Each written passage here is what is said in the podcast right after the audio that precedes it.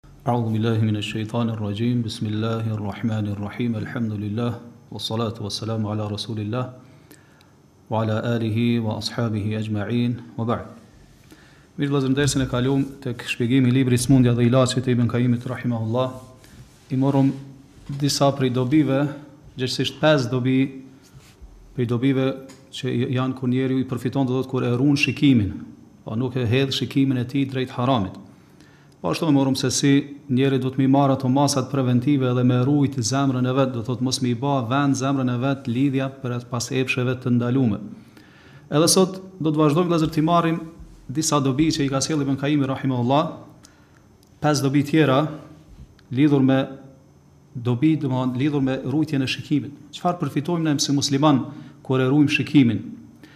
Vazhdon Ibën Kaimi rahimullah thotë, Dobia tjetër vëllezër thotë është se kur njeri musliman thotë e run shikimin, thotë kjo i jep intuitë të vërtetë. Intuitë të vërtetë do thotë me anë të cilës ai e dallon të vërtetën nga e pavërteta. Thotë e dallon atë njeri që është i vërtetë prej atij që është rrenc edhe gënjen. Pastaj e përmend këtu rastin e njëri prej dijetarëve të mëhershëm që ka qenë Shuja el-Kirmani rahimullah,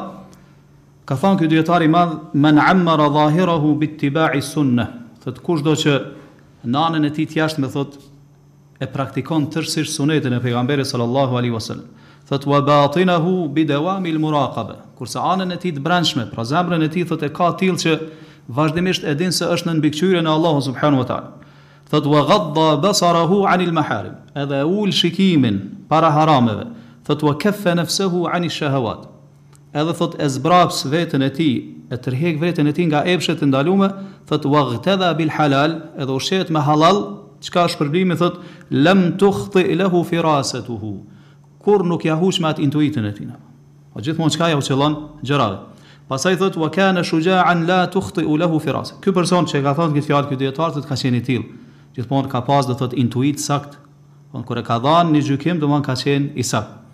Pastaj e shpjegon vëllezër Ibn Kaimi pse kështu thotë sepse Allahu subhanahu wa taala thotë e shpërblen robin e tij në bazë llojit veprës që e ka bë. Siç do ta marrim më vonë, ky është një parim madhështor i fesë tonë. Pastaj thotë sepse kushdo që braktis diçka për hir të Allahut subhanahu wa taala, Allahu ia zavendson me diçka më të mirë. Andaj thotë kur njeriu thotë e ul shikimin ndaj harameve, thotë Allahu ia zavendson këto.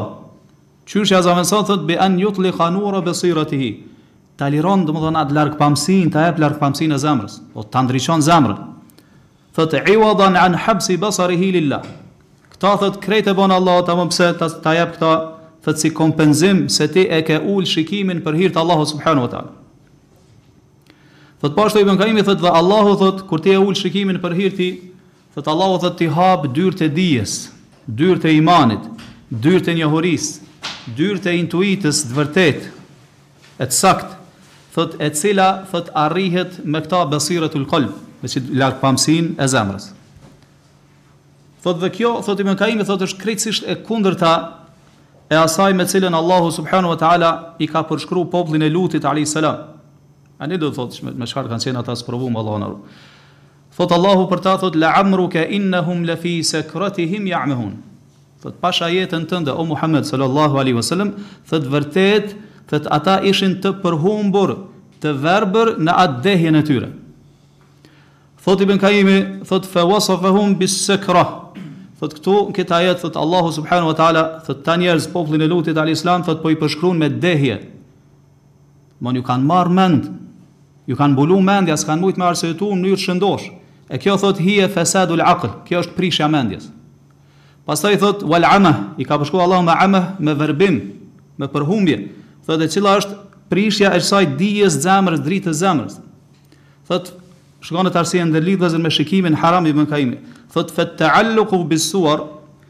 Kur njeri thotë bëhet i varun nga shikimi në pamje haram, thotë kjo bën që me ju prish mendja, me ju prish mendja, e dyta thotë wa amahil basira, me ju vërbu ajo largpamësia në zemër, thotë wa sukril qalb, edhe me ju deh zemra. Vëllezër kjo dobi që po përmend këtu Ibn Kaimi rahimahullah, është vërtet dobi madhështore, Edhe është parim themelor i fesë tonë islame sa i përket shpërblimit edhe ndëshkimit. Do thotë vëllezër, për këta kanë, kanë aludu argumentet e shumta në Kur'an edhe sunet. Ai është el gjezau min gjinsil amel. Shpërblimi është në llojin, në bazë llojit veprës që ti e ke ba. E po ashtu edhe ndëshkimi. Shikoni vëllezër, sa i përket shpërblimit, Allahu thot, hel gjeza ul ihsani illa el ihsan. Për të mirën, nuk ka shpërblim tjetër veç se të mirës. Ndërsa për të keqen, thot, thumme kana akibete ledhina esau sua. Thot, pastaj, thot Allahu, përfundimi i atyre që kanë bo keq, ka qenë e keqja. Domethënë kanë vepru keq, kanë gjetë keq. Vëllazër, ky është parim madhështor i fesë tonë, sa i përket shpërblimit apo dënimit të përshpejsh, të përshpejtuar këtë botë, apo ai që të vonohet për botën tjetër, do thotë ka me kan në bazë të llojit veprës që e ke ba. Andaj, nëse e ul shikimin për hir të Allahut subhanu wa taala, siç e kemi përmend dersin e kaluar që këta duhet me bë veç për hir të Allahut subhanu wa taala, Allahu të shpërblen në bazë të llojit veprës që ti e ke ba.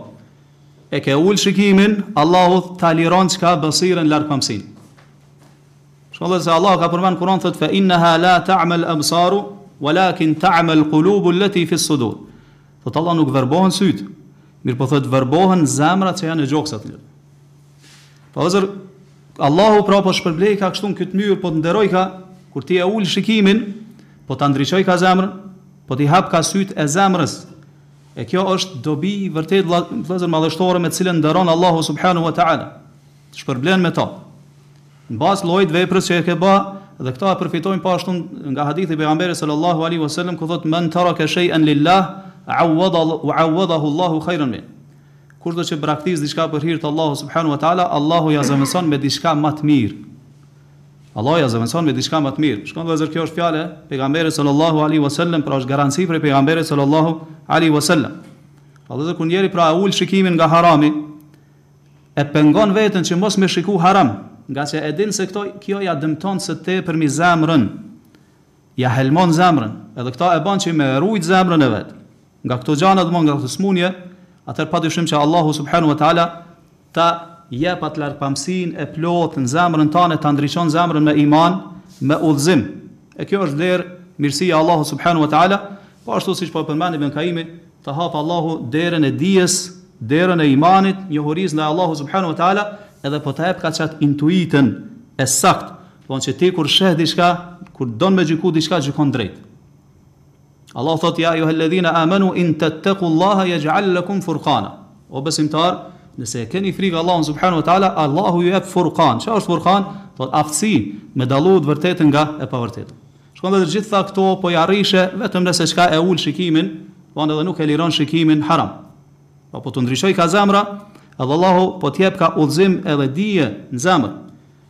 Gjitha këto shkaqe që ti pastaj do thotë me u jep tërësisht drejt dijes fetare, edhe Allahu po ta mundësojë që ti me e kuptu dijen fetare, edhe me vepru në bazë të asaj dije.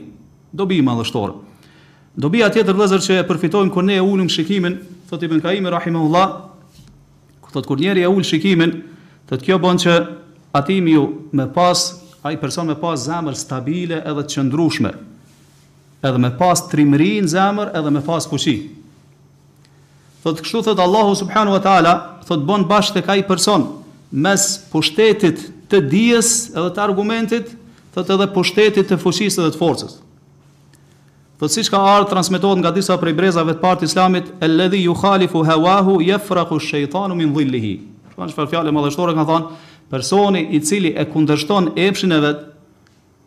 epshin haram do thot, thot shejtani ik edhe nga hija e tij. Largohet domethënë prej te. Nuk ka dëshirë me pas punë fare me ty.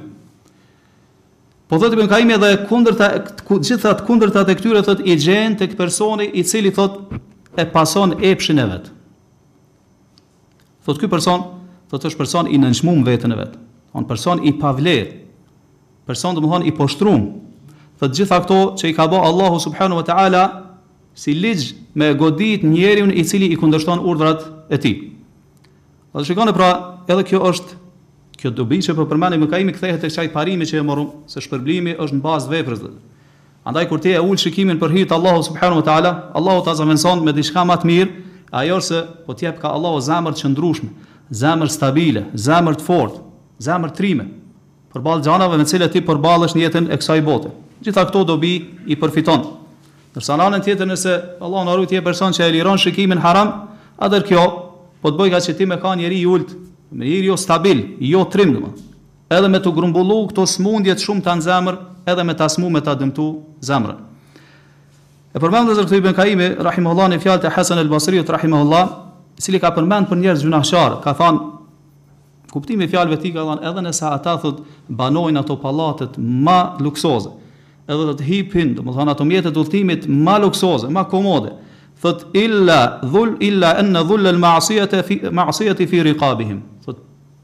Ai poshtrimi, nënçmimi i gjynahut thotë e kanë në qafë, dmth nuk nuk ju dahet kurrë, dmth e kanë në fytyrë.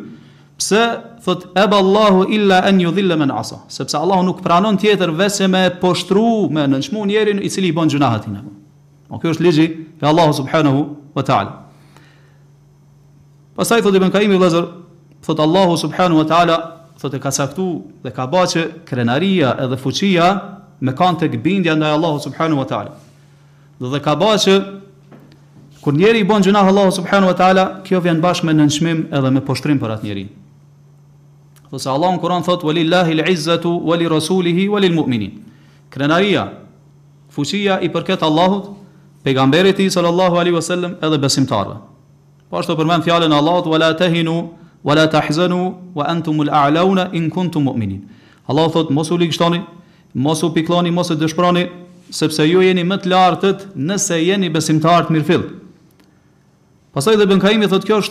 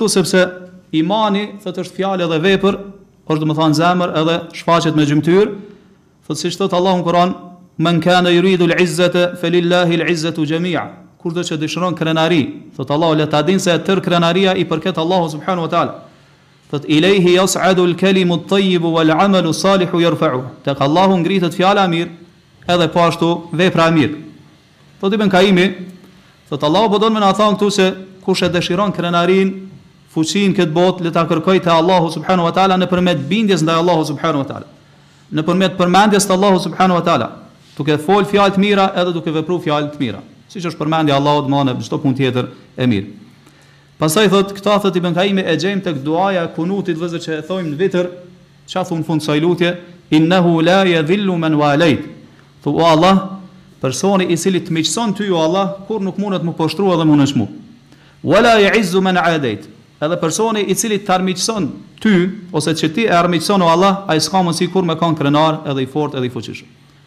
Thotë Ibn Kaimi, Andaj thotë kushdo që i bindet Allahut subhanahu wa ta'ala, ky person thotë veçse e ka miqësu Allahun subhanahu wa ta'ala në bindje ndaj tij. Edhe i përket thotë po aq krenari edhe fuqi sa tregohet i bindur ndaj Allahut subhanahu wa ta'ala. Po varësisht sa i bindur ndaj Allahut, po aq Allahu t'jep krenari edhe fuqi. Pastaj thot, kushdo që e kundërshton Allahun subhanahu wa taala, ky thot e ka armiqësu Allahun subhanahu wa taala në atë urdhrin e tij që e ka shkel. Thot dhe këtij i përket nënçmimi edhe poshtrimi po aq sa është tregu i pabindur ndaj Allahut subhanahu wa taala, varësisht domethënë nga mosbindja ndaj Allahut. Edhe kjo vëllazër është një dobi tjetër që po na sjell Ibn Kaimi rahimahullah, shumë e rëndësishme. Do thot, po na tregon se Bindja ndaj Allahut subhanu e teala po e sjell ka krenarinë edhe fuqinë tek muslimanë. Ashtu siç mosbindja ndaj Allahut subhanu e teala po sjell ka poshtrim edhe nënçmim. Siç edhe e shohim edhe po e shohim. Ose pse pse ashtu se e tërë krenaria i përket Allahut subhanu e teala dhe fuqia e po ashtu do thotë është në dorë të Allahut subhanu e teala. Allahu ia jep kujt don.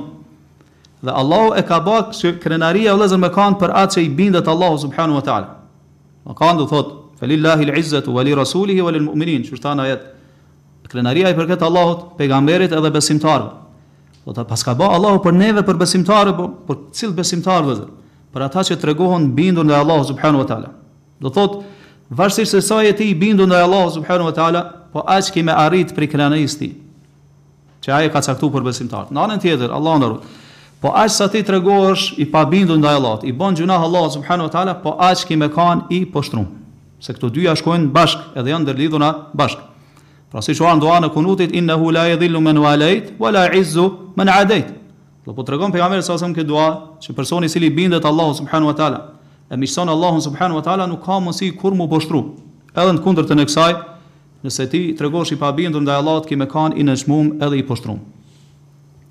Pra vëllezër nuk mjafton mirëpo nuk mjafton ti që ti veç me e thanë këtë dua e me shpeshtu këtë dua krahas kësaj kjo është si sebeb duhet edhe ti me i marrë shkaqet vëllezër me anë të cilës e arrin krenarinë edhe fuqinë e ajo është pra siç e morëm mu tregu i bindur ndaj Allahut subhanu e teala me i shpeshtu punët e mira edhe mu largu prej harameve Prej çdo shkaku i cili ty ta bjen poshtrimin edhe në nënçmimin e Allahut subhanehu ve, për ta nuk ka me pas ma person i cili munet me i nderu.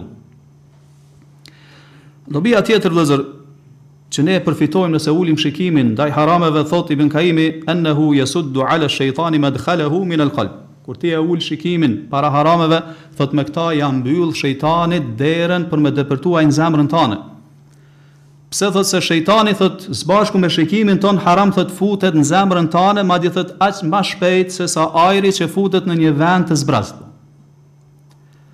thot shikoni tash çka bon shejtani n'zemrën e njerit thot ja paraqet atë pamje që ky e ka pa domethënë n'zemër domethënë haram edhe ja hjeshon thot thot wa yaj'aluha sanaman ya'kufu alejhi l'qalb ja bon thot si idhull N'zemër, ku zemra thotë qëndron qika e pa palëvizur para tina po. E shikon domethënë. Edhe kënaqet me të. Pastaj thotë thumma ya'iduhu wa yumannihi. Pastaj thotë shejtani fillon thotë i premton, thotë edhe i jep shpresa të rrejshme dhe të kota. Thotë wa yuqidu 'ala al-qalbi nar ash-shahwa. Thotë edhe ja ndez thotë n'zemër atë zjarrin e epshit.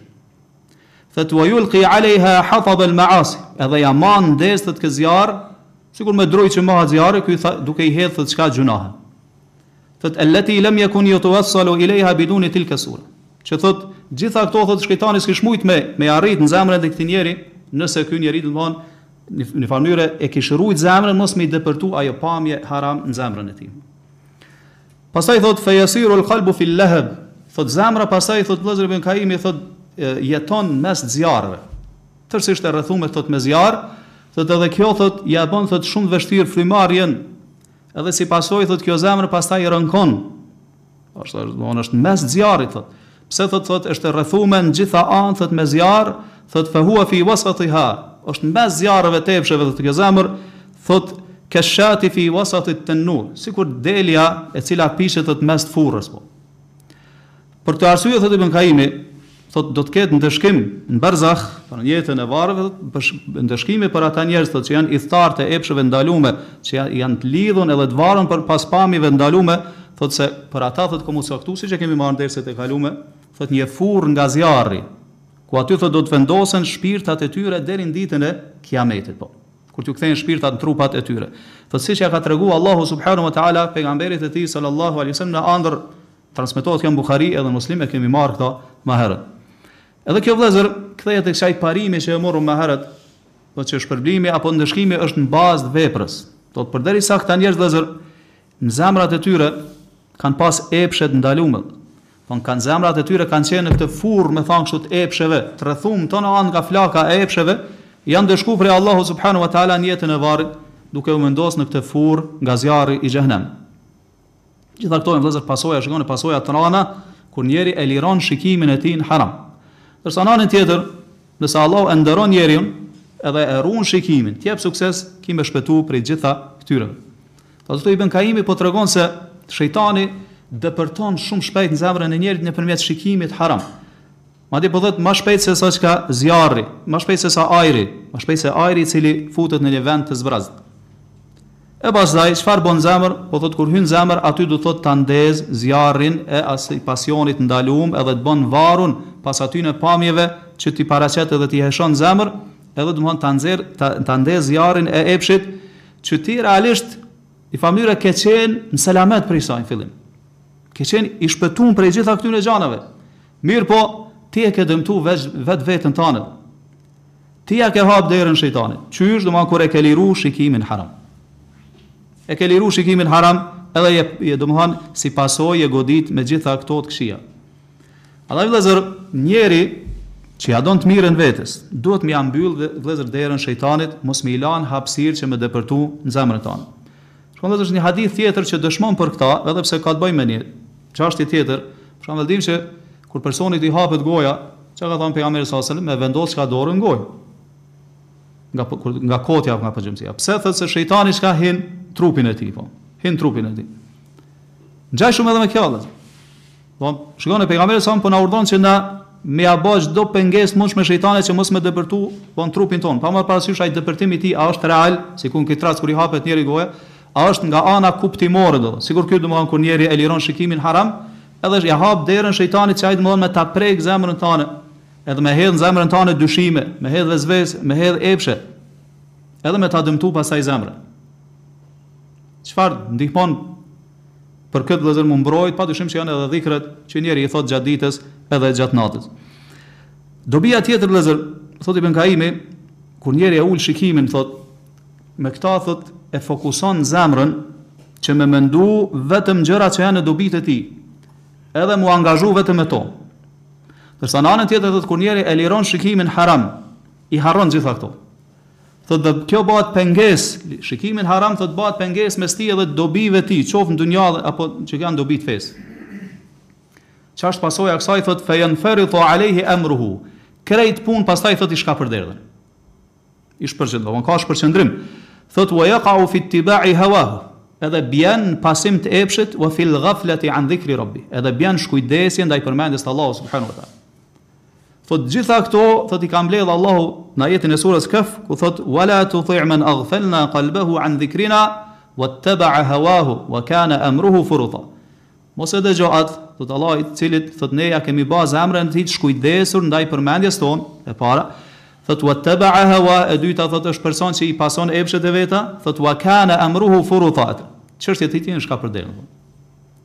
Thotë Ibn Kaimi thotë wa itlaqun nadhar, kur njeriu thotë e liron shikimin thotë yujibu hadhihi al-umur, patjetër ka me t'i sjellë këto tria.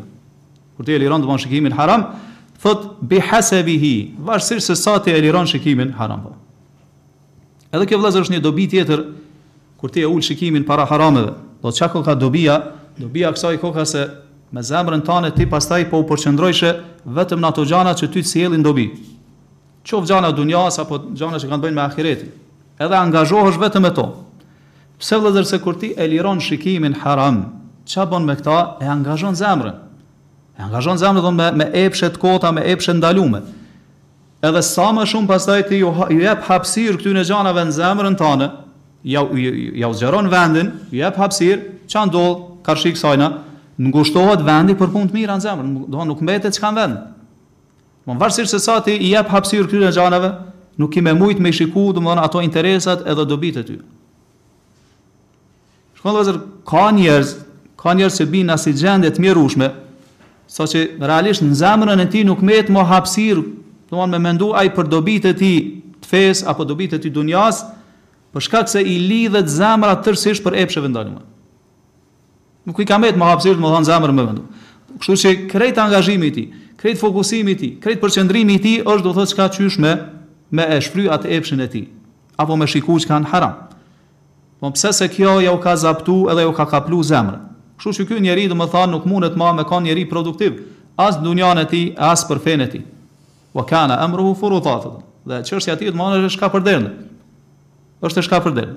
Në anën tjetër, kish pshtu prej krejt këtyre qysh me e ul shikimin prej haramit, edhe e kish rujt zemrën e tij, e i kish mbet zemra e pastër edhe e çiltër, edhe domthon i kish shpëtu prej këtyre smundjeve të rrezikshme.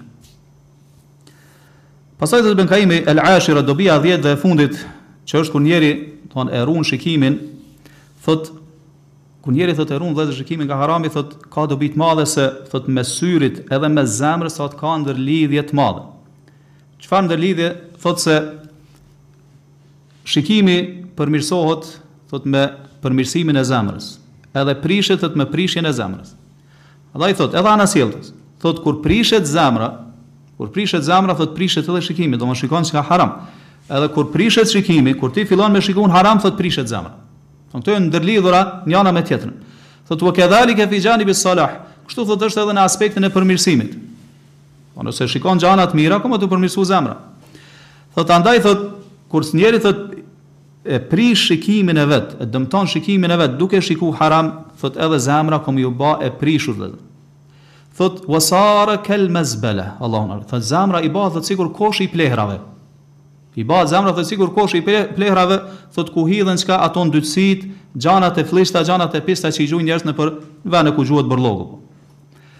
Pse thot, thot pse ndodh kështu thot pastaj çka o dami i kësaj thot fala yasluhu li sukna ma'rifati llah. Kjo zemër thot ma nuk është e përshtatshme që në atë zemër me banu njohuria ndaj Allahut subhanahu wa taala.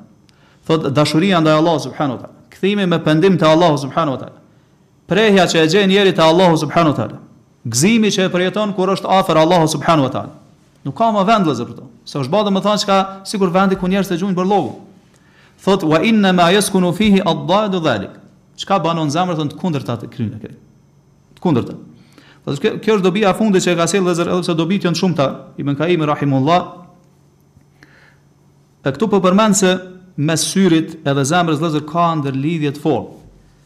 Shikoni vëllezër, nëse njeriu e shfrytëzon shikimin e tij, po ashtu edhe dëgjimin e tij, edhe dëgjimi ka ndikim të madh, domethënë për përmirësimin apo prishjen e zemrës. Dy këto shqisa, prej shqisave më të rëndësishme, nëse ti i shfrytëzon për hajr, për shembull mediton rreth krijimit të qiejve e tokës, shikon gjëra që ta rritin imanin, e lexon Kur'anin, i lexon librat fetar, i lexon hadithet e pejgamberit sallallahu alaihi wasallam, dëgjon ligjërata me veshin tënd. Çfarë dobi të shumta ki me përfitu prej kësaj. Dobi madhështore. Cila pastaj rezultati çka është, ka me t'u përmirësu patjetër zemra jote. Ka me t'u shtu dija rreth Allahut subhanahu wa taala, dija rreth fesë, dija rreth halalit edhe haramit e kështu me radhë. Në anën tjetër, nëse e liron shikimin haram, Patjetër që ka me t'u prish vëllezër zhem, zemra.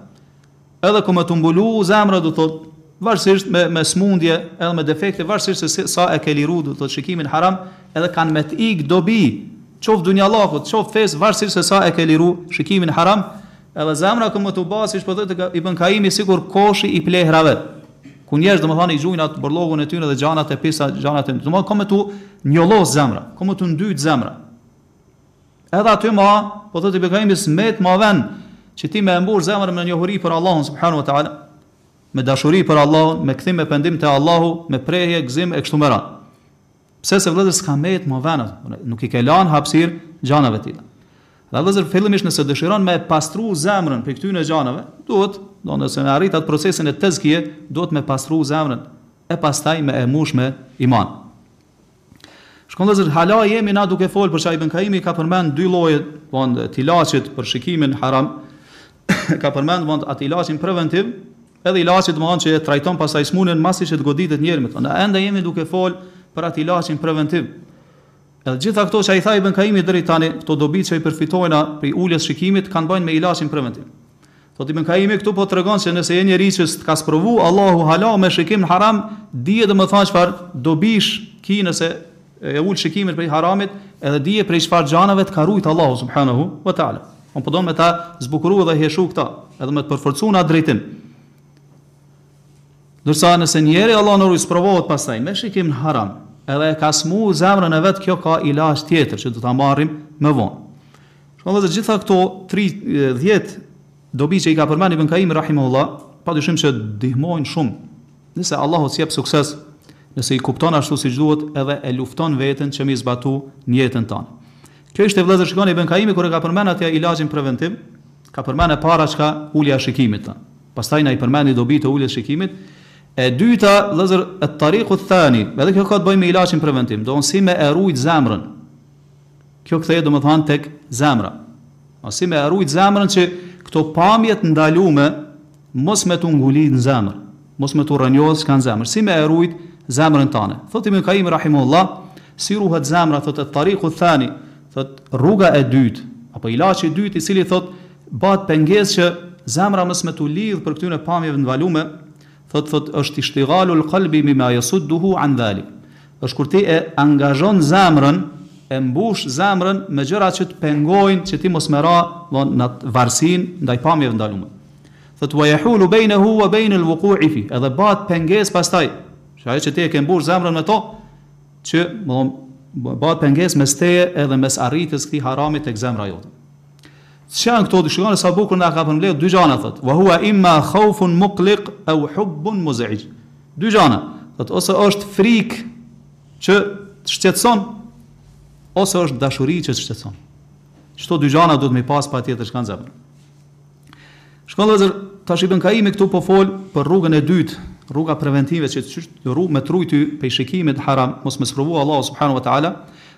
Dhe siç e dimë vëllezër zemra kemi thënë disa herë është sikur ena. Varësisht me çka e mbush, pastaj ajo me çato që është mbushur edhe lviz. Edhe lviz. Siç kanë thënë dietarët e selefit zemrat janë sikur ajo ena që është e mbushur edhe vlon. Me atë gjellën çfarë do qoftë që ka brenda saj. Ashtu është edhe zemra? Varësisht se ti me çka e mbush ajo ka me vlu me to, edhe ka me lviz me to. Nëse e ke mbush me gjana të hajrit, ka me lviz drejt hajrit. Nëse e ke mbush me sherr edhe me prishje me harame ka me lviz drejt prishjeve drejt harameve. Zemra vëllezër është ai motori kryesor që e lviz trupin, po. Domthon trupi i bindet tërësisht zemrës. Kah t'i thot zemra ai shkon. Kto na vërteton fjala e pejgamberit sallallahu alaihi wasallam ku ka thënë vini re, ka thënë në trupin e njerit është një copë mishi. Mudgha, sa e kafshon njëri do thotë çka me gojën e tij.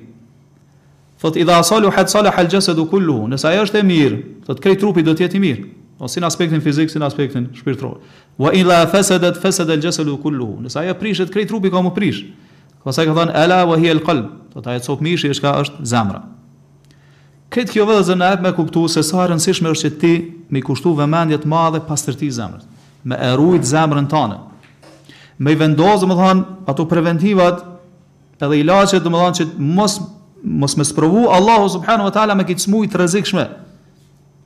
Mi bë barrierë dhe pengesa këtyre epsheve që mos me depërtu n'zemrën tane se pastaj çka ta dëmtojnë vëllazër zemrën shumë, edhe zemra të bëhet e varur ndaj këtyre harameve. Kur ndodh kjo? Kur e gjejnë zemrën e zbrazët vëllazër. Po kur shejtani e gjen zemrën e zbrazët, atëra bën aty kërdin edhe bën fesad në zemrën tonë.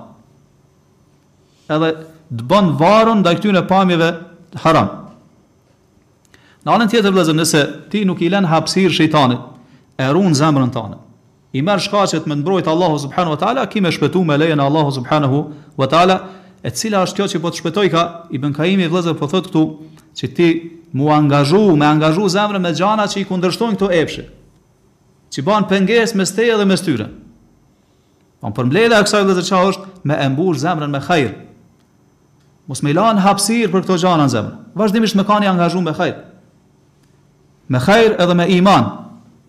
Pse se kur shejtani mundohet me mi fut këto gjana në zemrën tane e vren se nuk ka ma hapësirë. Masi ti e ke mbush zemrën tane. Nuk ka më hapësirë për gjana të tilla. Mirë dikush mundet me pyt cila është rruga vëllezër që e bën zemrën që me kanë ajo me pas qat aftësi që me i zbraps këto gjana, mos me i pranu. Këtu Ibn Kaimi rahimehullah, po i përmend vëllezër dy gjana që duhet me pas zemra patjetër, e para po thotë khaufun muqlik. Me pas frikë, frikë që s'të len rahat, që të shqetson. Edhe e dyta thotë hubbun muz'ij, po ashtu edhe dashuria edhe kjo që s'të len rahat edhe të shqetson. Do t'thotë këto dyja me i vendos vëllezër në zemër. E këto janë vepra madhështore që ta ruajnë zemrën me lejen e Allahut subhanahu wa taala nga këto gjana të ulta. Çka është vëllezër me qëllim frika? Këtu është për qëllim disa gjana që ka dashur me thanë Ibn Kaimi. E para është me pas frikë prej Allahut subhanahu wa taala. E dyta është me pas frikë nga pasojat e këtyre gjunaheve. Se e dim vëllezër se gjunahet sjellin pasoja. Prej këtyre pasojave është që e sjellin dënimin e Allahut subhanahu wa taala. Tjetra është ta smujnë zemrën, edhe bëhen shkak që ti me dështu këtë jetë edhe me dështu në botën tjetër. Andaj nëse ki kësi frike, shqetësuese që s'të len rahat, gjithmonë çka të ngucë edhe nuk të lën, gjithmonë ta kujton çka Allahun, edhe t'i kujton pasojat e këtyre gjunaheve, atëherë me lejen e Allahut subhanahu wa taala, qikjo frikë ka me t'i zbraps këto defekte dhe s'ka me t'i lanë me të arrit në zemër. Vëllazër, qit frikë kur e ki në zemër, kjo është hajr i madh, është nimet i madh, nuk duhet me e lanë që me t'u zbehë, mirëpo duhet çka me e ushqy, duhet me e zhvillu sa më shumë, me e rrit në zemër. Se këtu e paske sigurinë, këtu e paske rujtjen e zemrës me lejen e Allahut subhanahu wa taala. Po sa herë që këto gjana epshe t'ndalume mundohen me depërtu në zemrën tane, qikjo frikë t'i zbraps, t'i largon. Nuk i lën me ba, domthonë me lshu rranj në zemrën tane dhe me t'u lidh në zemër. E dyta po thotë wa hubbun muz'ij, po ashtu me pas zemrën e mbushur vëllezër me dashuri. Dashuri ndaj Allahut subhanahu wa taala, dashuri ndaj hajrit, edhe veprave të mira. Që ata sa herë që vjen ndonjë prej këtyre epsheve, edhe mundohet me të depërtuar në zemër, edhe mundohet me ta sfiduar qat dashurinë që e ki ti për Allahun subhanahu wa taala në zemër, edhe për hajrin, që kjo është hubun muz'ij, shqetësohet që kjo dashuri atë. Është n'siklet, është ankth. Nuk ju len me ba çka vend aty, nuk e pranon. Nuk i lën hapësirë, edhe çka e përzon. Patjetër pra duhet me i pas këto dy e këto për çdo që po folë edhe Ibn Kajimi rahimehullah. Zemra ka nevojë vëllezër për vigjilencë. Do të me kanë i kthjellt, do të me kanë i zgjut, domethënë jo në gjum. Pse vëllezër që kjo vigjilenca është shumë e rëndësishme përballë situatave edhe rrethanave me të cilat ti përballesh në jetën e kësaj bote. Me pas zemrën të kthjellët, me di domethanë me i shiku gjanat mrapa perdeve, mos m'u mashtru vetëm me ato që ai i sheh çka në anën sipërfaqësore. M'u nal do thot me bisedu me veten tane. Dëshiron me bo haram i thu vetes tane mirë, mirë po nalu edhe shiko cilat kanë me kanë pasojat pastaj. Do të m'u nal me mendu çka për pasojat. Dënimi i Allahut subhanahu wa ta'ala, ku mundesh me ju mshef dënimit Allahut, pastaj pasojat këtë botë, pasojat edhe në ahiret. Domthon vëllezër mos me pas shpirtin e tillë pa kontroll, që posa t'i shfaqet diçka në rrethanë, diçka në pamje, menjëherë çka ec mas sajna, edhe mashtrohet me to. Kështu nuk duhet vëllezër me kanë çka muslimani. Pra vëllezër gjitha këto njeri i arrin kur nalesh edhe i shikon rezultatet, i shikon pasojat. Nëse s'i ki qëto dyja, Nëse s'i ki qëto dyja frikën edhe dashurinë në zemër çfarë po thotë Ibn Kaimi thotë lem yajid budden min ishqi hadhihi suwar Allah Nëse s'i ki qëto dyja në zemër thotë patjetër ka me t'u lidh zemra pas tyre pamjeve të haram. Patjetër po. Edhe s'ke me mujt çka me iu përballu. Pse vëllezër se zemra në këtë rast nuk është ashtu siç duhet, edhe nuk është e pastër, domethënë çka është dëmtu edhe është ndot. E si po u pastrojka zemra nëpërmes kësaj dashurie edhe kësaj frike që e përmendi Ibn Kaimi e po ashtu e përmendëm edhe kur i shikon domethënë çka rezultatet edhe pasojat. Në anën tjetër o vëllezër personi i cili ka zemër të tillë që nuk nuk mendon fare, nuk e çan kokën për pasojat, në moment që i shfaqet një pamje diçka që e josh edhe e fitnos, menjëherë çka ec mas sajna, edhe fillon i bën hapësirë çka në zemrën e vet. Pa dyshim vëllezër që ky person ka mu sprovu me këta që po përmendni Ibn Kaimi, domthon ka mu ba i varën pastaj mbas këtyre pamjeve të ndalume, edhe ka mu ju lidh zemra edhe ka mu ju smu zemra me smundje, çka të epshit që vet domethën e ka dëmtu veten me to, vet veten e ka dëmtu se ja ka hap zemrën. Besimtari vëllezër nuk duhet me nuk duhet me kanë kështu duhet me kanë vigjilent duhet me kanë i kthjellët duhet me e ru zemrën e vet pastërtin edhe atë çiltërsin e zemrës Pastaj po e shpjegon vëllazër Ibn Kaim me pak sa më detajisht atë që e tha tash. Thot shpjegimi i krejt saj është se thot shpirti duhet me e ditë po thot se shpirti i njeriu thot nuk e braktis diçka që është e dashur për to, përveç për diçka që është hala më e dashur. Edhe tjetra thot nuk braktis diçka që është më e dashur për që është e dashur për to, thot veçse nga frika, nga frika e diçkaje e të urrejtur, thot që nëse i vjen atij e dëmton më shumë se sa nëse i ka ajo që e ka dashur. Thotë shikoni, thotë wa hadha yahtaju sahibuhu ila amrayni, pra dy gjana po thotë ka nevojë njeri i tillë me i pas, nëse dëshiron me shpëtu, thotë, in faqadahuma au ahadahuma lam yantafi bi nafsihi Allah. Thotë nëse i hup thotë këto dyja Ibn Kaimi, apo veç njanën prej tyre thotë nuk ia sheh hajrin vetit. S'ke me përfitu kurrgjë prej vetes tënde, prej dijes që e ke kurrgjë. Cila është ajo thotë ehaduhuma basiratun sahiha, me pas largpamësi thotë, çka e përmend domethan me i shiku pasojat, me pas dije largpamësi thotë të saktë, me anë të cilës thotë ti i dallon nivelet e gjanave që i don edhe ato që i urren. Çfarë është dobia e kësaj? Thotë kur e ki këtë, thotë i jep përparësi asaj që është më e dashur, se sa asaj që është më pak e dashur.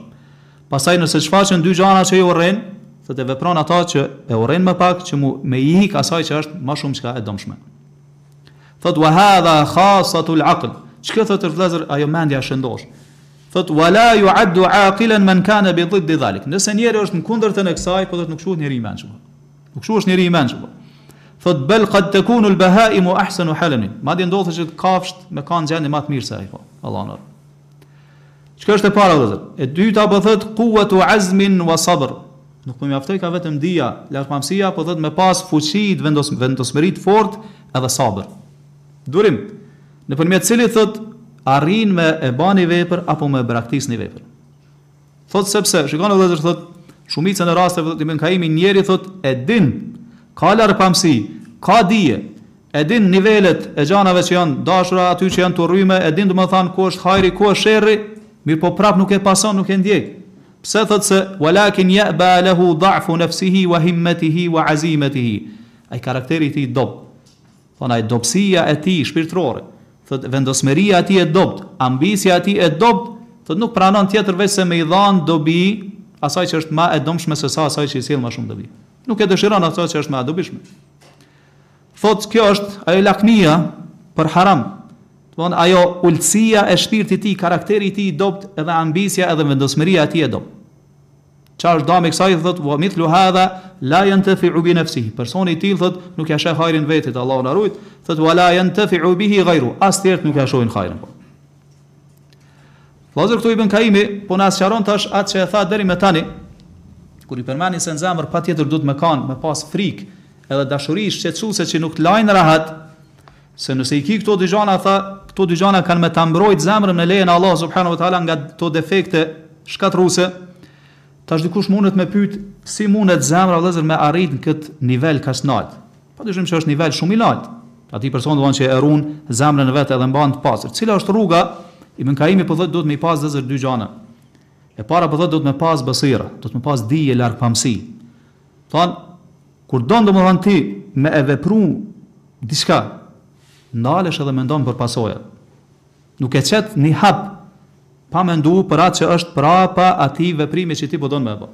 Cilat janë pasojat edhe damet që të vijnë prej atij veprimi. Duhet me pas dije vëllezër, me dallu ku është hajri, ku është sherri.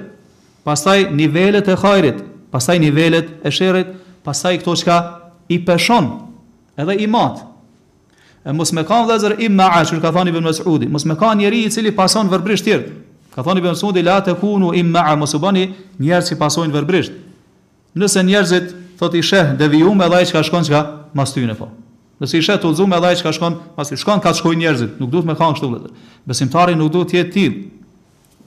Por në moment vëllazër që Mundohet këto pamje t'ndalume mundohen me ta sulmu zemrën edhe mundohen domethënë me depërtu në zemrën tane mundohen me ba hapsinë në zemrën tane cila ko ka ilaçi trajtimi besira me pas domethënë me pas dije e trajton me anë dijes nalesh edhe mendon ku po të çon kjo që ti po don me ja hap zemrën cilat janë pasojat çfarë ka me humb zemra Çfarë ka me dëmtu zemra? Çfarë gjana të dashura për zemrën kanë me të humb, nëse ti don me ja hap zemrën këtyre harameve dhe këtyre epsheve t'ndalume. Për me sqaru vëllezër këta hala ma shumë shikone, ka njerëz që dinë për shembull shumë përmendsh Kur'an. Mirëpo ça me kalimin e kohës fillon e liron çka shikimin haram. Mas një kohë çka ndodh e harron Kur'anin përmendsh çka ka ditë. Edhe vetë e pranon, thotë e kum harru thotë çka Kur'ani. Apo ka qenë person që ka pas dije fetare. Ka qenë i angazhu me derse, prezantim derse, ja ka liru vetit shikimin, frenat, edhe çka është dëmtu shumë edhe e ka harru çat dije që e ka pas, po. Nuk e ka përsërit më rrugën. Tjetri ka qenë person që u kanë angazhu me adhurime të shumta. Mirëpo, gradualisht ka fillu ia ka liru vetit shikimin, ka fillu me shiku haram, edhe thotë çka më kanë hup ato farë adhurime që i kom bo më herët. As po muna mu çu mu fal natën, as po muna me agjëru gjatë ditës, as po muna me lexu Kur'an, het shpërqendrohet zemra vëllezër. Kjo është çka? Dënim vëllezër. Edhe kështu vazhdon. Domthon çka krejt qikjo vëllezër se s'ka pas besire. Nuk e ka pas largpamësi. Kur i ka ardhur qajo pamja e ndalume, ky domthon nuk u nal me menu për pasojat që munën me ta. Në anën tjetër, qetash edhe sikur ti t'kishe pas qit besiren qit dijen që po përmend Ibën Kajimi, i kishe zbraps këto gjana edhe kishe kanë selamet kishe shpëtu. Pse se nuk kishin mujt me t'hi në zemër edhe me depërtu në zemër. Jo vetëm kaq po vëllezër nëse hajde i ke ditë për shembull pesë xhuza të Kur'anit përmendsh edhe kanë tentu këto pamjet me me depërtu në zemrën tane, mirë po ti çka e ke përdorë qit besiren, je nalë ke mendu për pasojat që mundet munet me pas pasoja ma, Ça është rezultati dobia t'ban ki me i rujt qato pesë madje ki dobi hala ma të madhe ndoshta mas një kohe ki me u ba hafiz krejt qikjo është dobia vëllezër po ndërsa në anën tjetër Allahu na rujt do të thot munesh me ra n'kësi gjana të pa lakmushme për shkak se nuk i ke shiku ashtu siç duhet pasojat. Vëllezër po e përmend këtu pra Ibën Kajimi se duhet me pas dije vëllezër me anë t'cilës ti dallon ato gjanat që i don, që i lakmon shpirti, edhe me jap përparësi asaj që ti e don hala ma shumë që është ma e dobishme edhe në anën tjetër nëse s'ki mundësi me ju ik dy gjanave që të dëmshme atëherë e vepron ato që është ma pak e dëmshme për me ik asaj që është ma shumë e dëmshme edhe me shpëtu prej saj e po përmend vëllezër se që kjo është po thotë ajo mendja e shëndoshë po me këta po na tregon Ibn Kajimi vëllezër si duhet na me përdor mendjen Jo do thot me kan person i tillë që vepron pa mendu vëllezër. Me kan person që shkon domethën mas emocioneve të veta, mas ndjenjave të veta. Se kështu ke me u shkatrru. Nëse nuk e përdor mendjen ashtu siç duhet, n'mënyrë racionale, atëherë ke mu shkatrru. Po nëse e përdor mendjen, i sheh pasojat e gjanave, ndalesh mendon, atëherë dije se kjo është dera e shpëtimit edhe selametit n'këtë botë edhe në botën tjetër. Në anën tjetër nëse bën veprime pa mendu,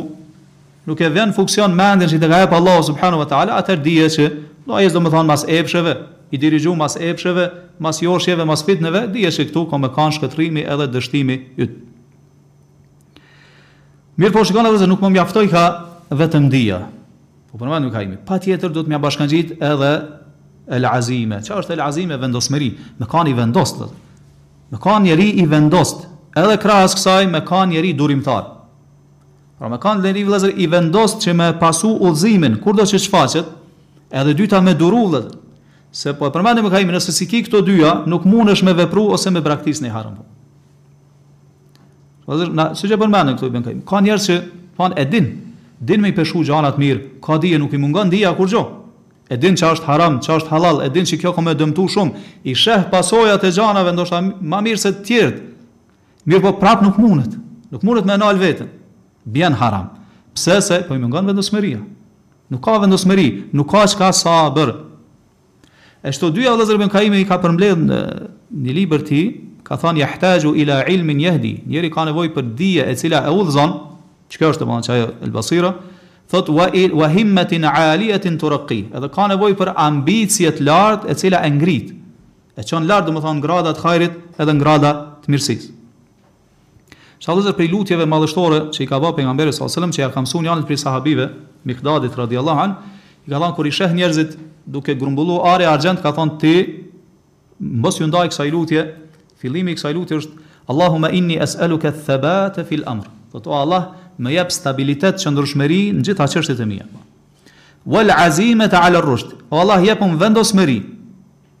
Jepu më vendosmëri që unë me e ndjek udhëzimin kudo që të më shfaqet ai mu.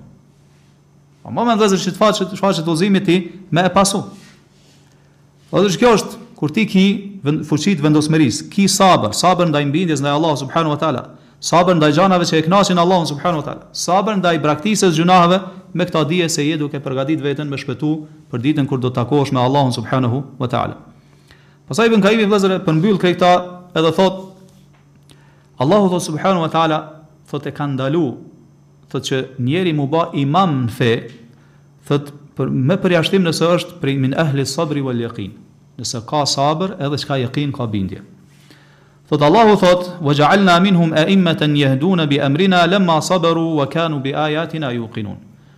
Thot ne thot Allahu prej tyre kemi ba pris, imam, të cilët udhëzojnë, i udhëzojnë tjerët, thot me urdhrin tonë, pse ka ndodhur kjo thot lemma sabaru, pasi që janë treguar durushëm, wa kanu bi ayatina yuqinun, edhe kanë qenë bindur ndaj shenjave tona. Durim edhe bindje. Shikoni vëllezër thot Ibn Kaimi, kush i ka këto dyja?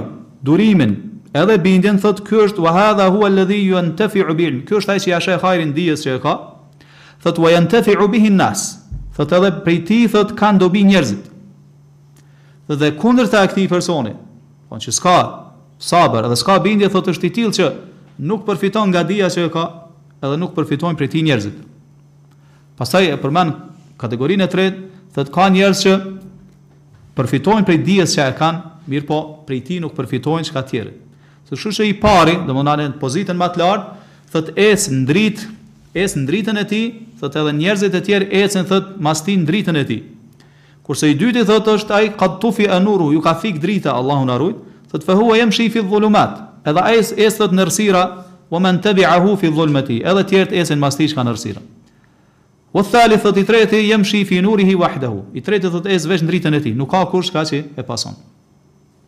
Shikoni vëllezër, ky është një ajet tejet madhështor, Allahu tregon domethonë, nëse dëshiron me kanë dikushi, me thonë kështu, në fenë e Allahut subhanahu wa ta'ala, duhet me i ba bashkë këto dy gjana, me pas sabër, edhe me pas jekin, me pas bindje, me këta arrin ata që quhet el imametu fid din.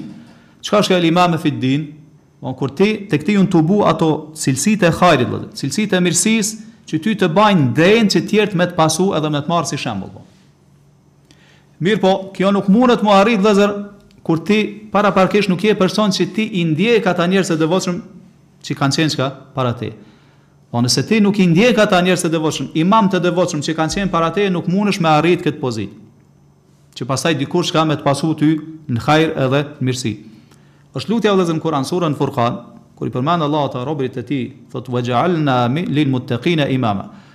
Kur t'i lavdron besimtarët thotë luten me këtë lutje o Allah na bëj pris për njerëzit e devotshëm. Dy tefsire vëllezër janë këtu prej selefit. Disa kanë thënë wa ij'alna mu'tamina bil muttaqin. Jo kanë thënë nuk është qëllimi o Allah bona neve pris për devotshmit, mirëpo neve bona çka që na me i pasu njerëzit çka devotshëm që kanë qenë para neve. Ibn Kajimi shumë e ka lavdru vëllezër këtë tefsir. Pse? Sepse, siç e përmendëm unë kam thënë që njeriu nuk mundet me kanë imam që pasohet nëse paraprakisht nuk është i tillë që i pason njerëzit e mirë që kanë qenë para tij. Pra çka el imame fi din pra ka nevojë për dy gjana, sabër edhe jekin, durim edhe bindje, sabër ndaj bindjes së Allahut subhanahu wa taala, sabër për mu largu prej harameve,